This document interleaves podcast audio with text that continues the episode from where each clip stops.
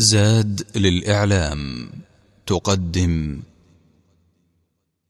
إن الحمد لله نحمده ونستعينه ونستغفره. ونعوذ بالله من شرور أنفسنا وسيئات أعمالنا. من يهده الله فلا مضل له ومن يضلل فلا هادي له. وأشهد أن لا إله إلا الله وحده لا شريك له. وأشهد أن محمدا عبده ورسوله. أما بعد فإن خير الحديث كتاب الله وخير الهدي هدي محمد صلى الله عليه وسلم وشر الأمور محدثاتها وكل محدثة بدعة وكل بدعة ضلالة وكل ضلالة في النار. عباد الله يقول نبينا صلى الله عليه وسلم ثلاث منجيات وثلاث مهلكات. فأما المنجيات فتقوى الله في السر والعلانية والقول بالحق في الرضا والسخط والقصد في الغنى والفقر وأما المهلكات فشح مطاع وهوى متبع وإعجاب المرء بنفسه وقد حسنه بعض أهل العلم. هذه المنجيات الثلاث التي كان النبي صلى الله عليه وسلم يسألها ربه فيقول اللهم وأسألك خشيتك في الغيب والشهادة وأسألك كلمة الحق في الرضا والغضب وأسألك القصد في الغنى والفقر. ذكر في الحديث ثلاثة أمراض مهلكة وبإزائها ثلاث علاجات لهذه الأمراض. فخشية الله مقابله لاتباع الهوى لأنها تمنعها فأما من خاف مقام ربه ونهى النفس عن الهوى فإن الجنة هي المأوى. وذكر القصد في الغنى والفقر بإزاء الشح المطاع. وذكر كلمة الحق في الغضب والرضا بإزاء إعجاب المرء بنفسه. إن تقوى الله وخشيته بالسر والعلانية ملاك الأمور فيها مراقبة العلام على الدوام والاستحياء منه سبحانه وتعالى. ومن يتق الله يجعل له مخرجا أي ينجيه من كل كرب. ولو كانت السماوات والأرض رتقا على عبد فاتقى الله لجعل له من بينهما مخرجا. وهكذا جعل الله للمهاجرين الفرج. وجعل لأم إسماعيل الفرج. وجاء بالفرج لعباده الثلاثة في الغار. وكذلك نجى جريجا بعدما شفى أيوب ولا يزال الناس بخير ما اتقوا ربهم. قال إسحاق الغزواني زحف إلينا أزدمهر من قادة الفرس عند مدينة الكيرج في ثمانين فيلا فكادت تنفض الخيول والصفوف يعني صفوف المسلمين. فكرب لذلك محمد بن القاسم قائد المسلمين. فنادى عمران بن النعمان أهل حمص وأمراء الأجناد فنهضوا فما استطاعوا. فلما أعيته الأمور نادى مرارا لا حول ولا قوة إلا بالله فكف الله الفيله وسلط عليها الحر ففزعت إلى الماء وتركت الساحة فحملت خيل المسلمين وكان الفتح بإذن الله. فمهما كان عند العدو من عدد وعدد فإن المسلمين إذا اتقوا الله ذهب الله بسلاح الكفار وجعل الدبرة عليهم. المؤمن على خير ترحب به الأرض وتستبشر به السماء ولن يساء إليه في بطنها إذا أحسن على ظهرها. يا عبد الله لن يساء إليك في بطنها إذا أحسنت على ظهرها. والقول بالحق في الرضا والسخط يعني أن نقول الحق في الغضب في الرضا على نفسك على قريبك أينما كنت. وهكذا يقول الحق ولا يبالي. الإسلام يربي المسلم على هذا المبدأ لأن قول الحق مهم.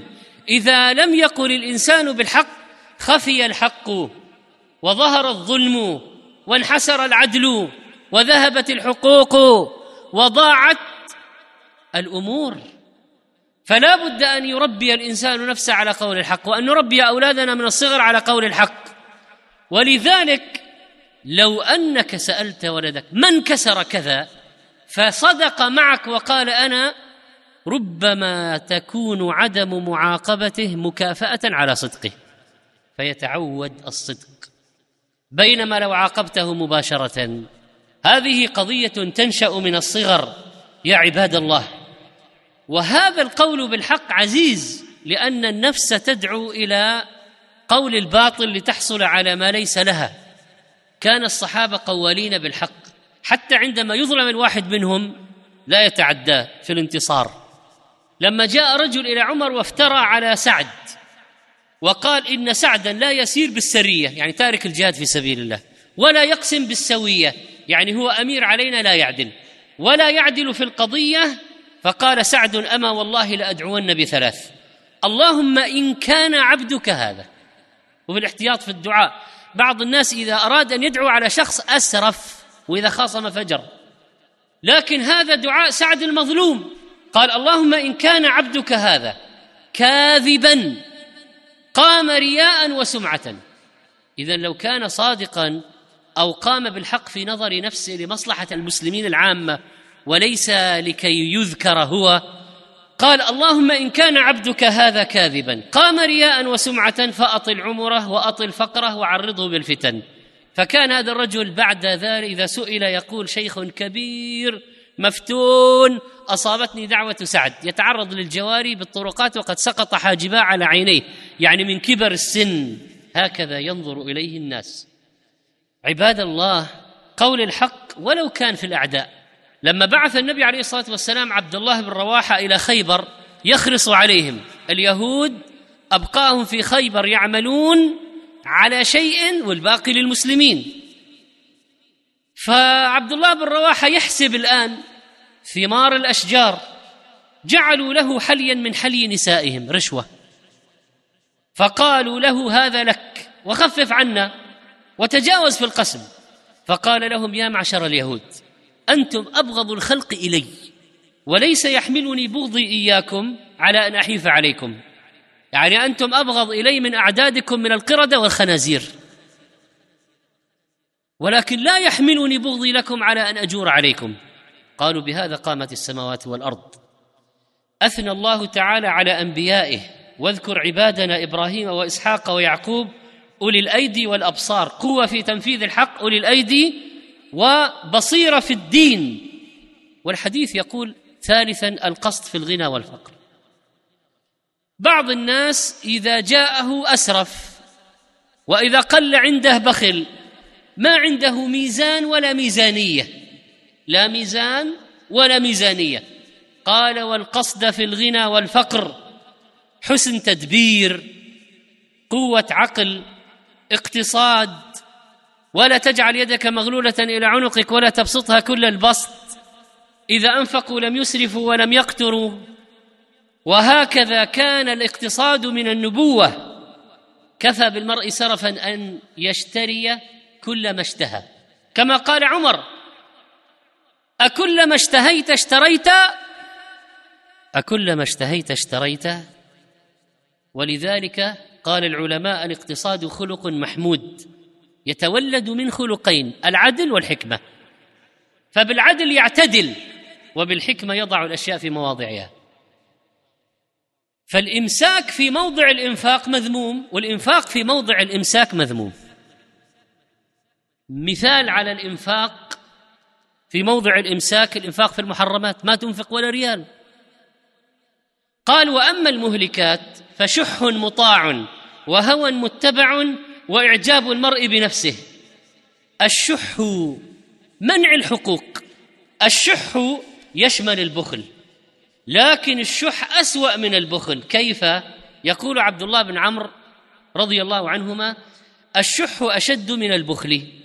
الشحيح يشح على ما في يديه فيحبسه وهذا يفعله البخيل. ويشح على ما في أيدي الناس حتى يأخذه. هذا الذي يفوق فيه الشحيح البخيل سوءا. فهو يأخذ ما في أيدي الناس يأخذ حقوق الناس ويمنعهم حقوقهم. هكذا اذا شحا مطاعا خصله ذميمة خله شنيعة. شدة الحرص توجب البخل والظلم ومنع الخير بل وكراهية الخير. والنبي عليه الصلاة والسلام قال لنا يتقارب الزمان وينقص العمل ويلقى الشح ويكثر الهرج رواه البخاري. وقال لا يجتمع الشح والإيمان في جوف عبد. شر ما في الرجل شح هالع وجبن خالع من القصص التي فيها عبرة. فيما جاء عن سلفنا دخل الحسن البصري على رجل يعود في مرضه. فرآه يصوب بصره في صندوق في بيته ويصعده. ثم قال الرجل للحسن يا أبا سعيد ما تقول في مئة ألف في هذا الصندوق لم أؤدي فيها زكاة ولم أصل منها رحما؟ قال ثكلتك أمك ولمن كنت تجمعها؟ قال لروعة الزمان وجفوة السلطان ومكاثرة العشيرة ثم مات الرجل.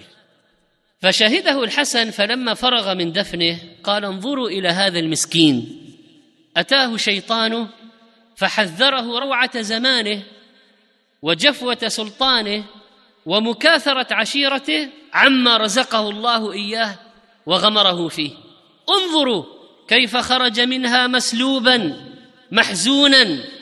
ثم التفت إلى الوارث. السلف يوصون الورث في المقبرة. ثم قال له أيها الوارث لا تخدعن كما خدع صويحبك بالأمس. أتاك هذا المال حلالا يعني من طريق الميراث فلا يكونن عليك وبالا. أتاك عفوا صفوا ممن كان له جموعا منوعا من باطل جمعه وحق منعه. قطع فيه لجج البحار. ومفاوز القفار لم تكدح أنت فيه بيمين ولم يعرق لك فيه جبين. إن يوم القيامة يوم ذو حسرات وإن من أعظم الحسرات غدا. أن ترى مالك في ميزان غيرك فيا لها من عثرة لا تقال وتوبة لا تنال. اللهم إنا نسألك خشيتك في الغيب والشهادة وكلمة الحق في الغضب والرضا. نسألك نعيما لا ينفد وقرة عين لا تنقطع ونسألك لذة النظر إلى وجهك والشوق إلى لقائك في غير ضراء مضرة ولا فتنة مضلة. اللهم زينا بزينة الإيمان واجعلنا هداة مهتدين. أقول قولي هذا وأستغفر الله لي ولكم فاستغفروه إنه هو الغفور الرحيم. الحمد لله رب العالمين. الرحمن الرحيم ملك يوم الدين. أشهد أن لا إله إلا هو رب الأولين والآخرين وأشهد أن محمدا عبده ورسوله الأمين. صلى الله عليه وعلى آله وصحبه أجمعين. ومن تبعهم بإحسان إلى يوم الدين. عباد الله ينبغي على المسلم أن يكون كريما بخلقه كريما بماله كريما بجاهه كريما بعلمه يقدم ولا يسأل الناس شيئا. وسيبقى البخل وصمه عار وإمساك الحقوق مسبة. حتى ذكر في بعض كتب التواريخ فلان الفلاني كان شحيحا مفاتيح خزائنه في الكيس الحديد مسمرا بالمسامير لا يفارقه.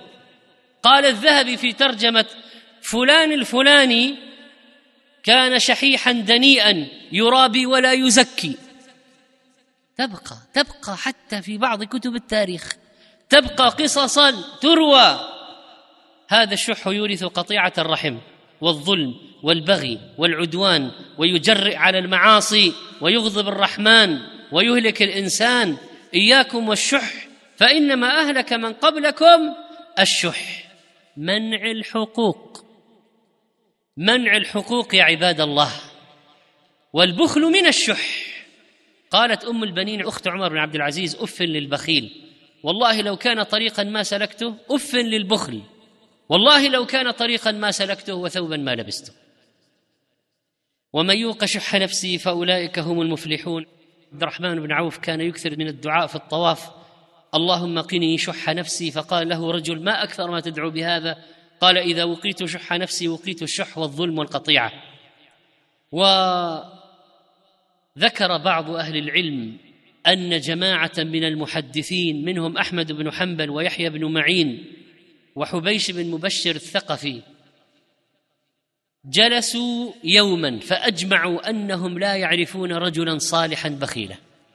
فلا بد أن يكون البخل يورث الفسق ويورث الفساد.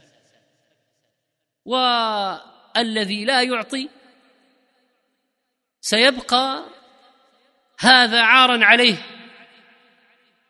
قال رجل لشخص إني أقصد فلانا أرجو منه نوالا. قال ترجو الندى من إناء قل ارتشحه كالمستذيب لشحم الكلب من ذنبه.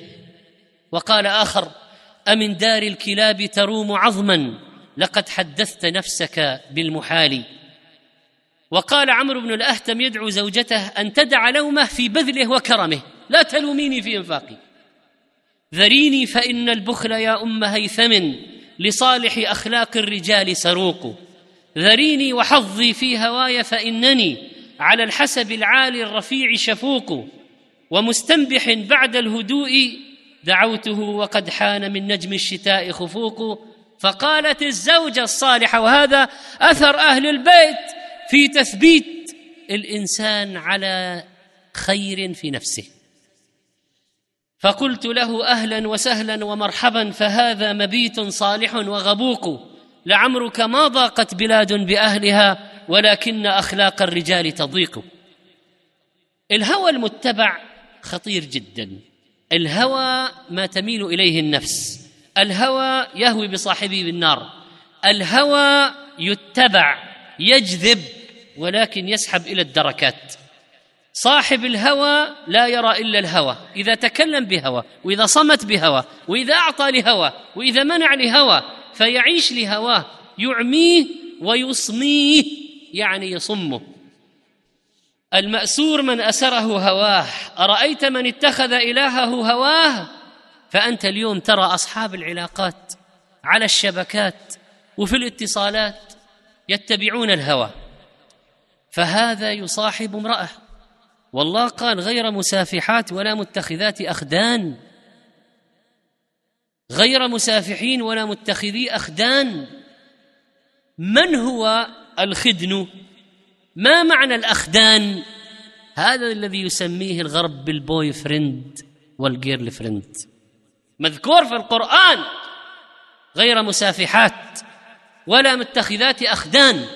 دخل الهوى في العلاقات الشخصية فصرت ترى المحادثات والمكالمات والعلاقات مبنية على الهوى. يستجريهم الهوى يتقاذفهم الهوى ومن أضل ممن اتبع هواه بغير هدى من الله. في البدع والضلالات الهوى. أفرأيت من اتخذ إلهه هواه؟ وأضله الله على علم وختم على سمعه وقلبه وجعل على بصر غشاوة فمن يهديه من بعد الله؟ وهكذا الذين يتيحون المجال للهوى أن يتلاعب بهم. أهل البدع حذر السلف من مجالستهم. لا تجالسوا أهل الأهواء الهوى يجذب ولكن الذي يمنع نفسه من الهوى والذين جاهدوا فينا لنهدينهم سبلنا. قالوا إن شخصا كان يطوف بالبيت فنظر إلى امرأة جميلة فمشى إلى جانبها ثم قال أهوى هوى الدين واللذات تعجبني فكيف لي بهوى اللذات والدين؟ نريد أن نجمع بين المتناقضات نجمع بين الصلاة في المسجد رؤية الأفلام الإباحية. نريد أن نجمع بين الأدعية والاستغفار وقراءة القرآن وإقامة العلاقات المحرمة. ونريد أن نجمع بين الصدقات والزكاة وبين الربا. أهوى هوى الدين واللذات تعجبني فكيف لي بهوى اللذات والدين؟ أنا أطوف حول الكعبة وأنظر إلى النساء الأجنبيات. فكيف لي بهوى اللذات والدين؟ من قبلنا إذا فسق الواحد فيهم يحس بالتناقض. المصيبة في جيل اليوم إنها ماشية معهم. ما يحسون بتناقض وهذه هي الكارثة. فقالت المرأة دع أحدهما تنل الآخر لا مجال للجمع بين النقيضين. دع أحدهما تنل الآخر ما في طريقة. الذي يفكر بالجمع بين نقيضين لا يمكن. يكذب على نفسه يكذب على الله قبل ذلك. وإذا تأملت حديث السبعه الذين يظلهم الله في ظله يوم لا ظل إلا ظله كل واحد منهم خالف هواه. فنال تلك الرتبة. قول في الحديث وإعجاب المرء بنفسه هذه مصيبة. فمن الناس من يعجب بذكائه وتفكيره وعبقريته ورأيه منهم من يعجب بخطه منهم من يعجب بعضلاته وجسده وقوته منهم من يعجب بمنصبه منهم من يعجب بماله منهم من يعجب بأولاده منهم من يعجب بخدمه منهم من يعجب ببيته ومركبه. إعجاب المرء بنفسه قاتل. إعجاب المرء بنفسه. رأى محمد بن واسع ابنا له يمشي مشية منكرة. فقال له تدري بكم شريت أمك؟ لأن أمه كانت أمة أمة. بثلاثمائة درهم. وأبوك لا كثر الله في المسلمين مثله. وأنت تمشي هذه المشية؟ قال بعضهم رأيت في الطواف رجلا بين يديه خدام يمنعون منه الناس. ثم رأيته بعد ذلك على جسر ببغداد ذليل يسأل الناس. فتعجبت منه. فقلت أنت الذي كنت في مكة؟ قال نعم. إني تكبرت في موضع يتواضع الناس فيه فابتلاني الله بالذل في موضع يترفع الناس فيه. عباد الله الإعجاب حتى بالعبادة مصيبة. قال بعضهم رأيت مرة في نفسي أنه صفى لي حال من الذكر وأعجبت بنفسي يعني حصل لي بكاء وعبادات قال ثم اني احتجت إلى دخول الحمام الحمامات العامة في ذلك الزمان فدخلت واغتسلت وخرجت ولبست ثوب إنسان على بدني بالخطأ. لبست ثوب واحد فوق ثيابي بالخطأ وأنا لا أعلم. وخرجت ومشيت. فإذا صائح يصيح بي يا شيخ فالتفت. فإذا صاحب الحمام فقال لي ثياب الرجل الرجل في الحمام عريان. فقلت له وأين ثياب الرجل؟ قال عليك. فانتبهت فنزعت الثوب الذي علي وأعطيته. يقول ما مشيت إلى موضع كذا إلا ووجدت الصبيان يقولون سارق ثياب الحمامات سارق ثياب الحمامات. فالإنسان لا يصح أن يناله عجب ولو بالعبادة ويتواضع لرب العالمين. ربنا اغفر لنا ذنوبنا وإسرافنا في أمرنا وثبت أقدامنا وانصرنا على القوم الكافرين. اللهم إنا نسألك الأمن في البلاد. والنجاة يوم المعاد. يا رب العباد آمنا في الأوطان والدور وأصلح الأئمة وولاة الأمور واغفر لنا يا عزيز يا غفور. لا تفرق جمعنا هذا إلا بذنب مغفور وعمل مبرور. يا أرحم الراحمين اشملنا برحمتك. اللهم هب لنا رحمة تقضي بها ديوننا وتكفر بها عنا سيئاتنا وتتوفانا بها مع الأبرار. أصلح نياتنا وذرياتنا وبيوتنا يا رب العالمين. اللهم عليك بمن أساء إلى أمهات المؤمنين. اللهم عليك بمن أساء إلى أمهات المؤمنين. اللهم عليك بمن أساء إلى أمهات المؤمنين. اللهم عليك بمن أساء إلى عائشة وخديجة وبقية نساء نبيك صلى الله عليه وسلم وصحابته أجمعين. اللهم إنا نسألك أن ترحمنا برحمتك وأن تغفر لنا ولوالدينا ولجميع المسلمين. وسع لنا في دورنا. وبارك لنا في أرزاقنا وعافنا في أجسادنا. ارزقنا عمل الصالحات وفعل الخيرات وترك المنكرات وحب المساكين. سبحان ربك رب العزة عما يصفون وسلام على المرسلين والحمد لله رب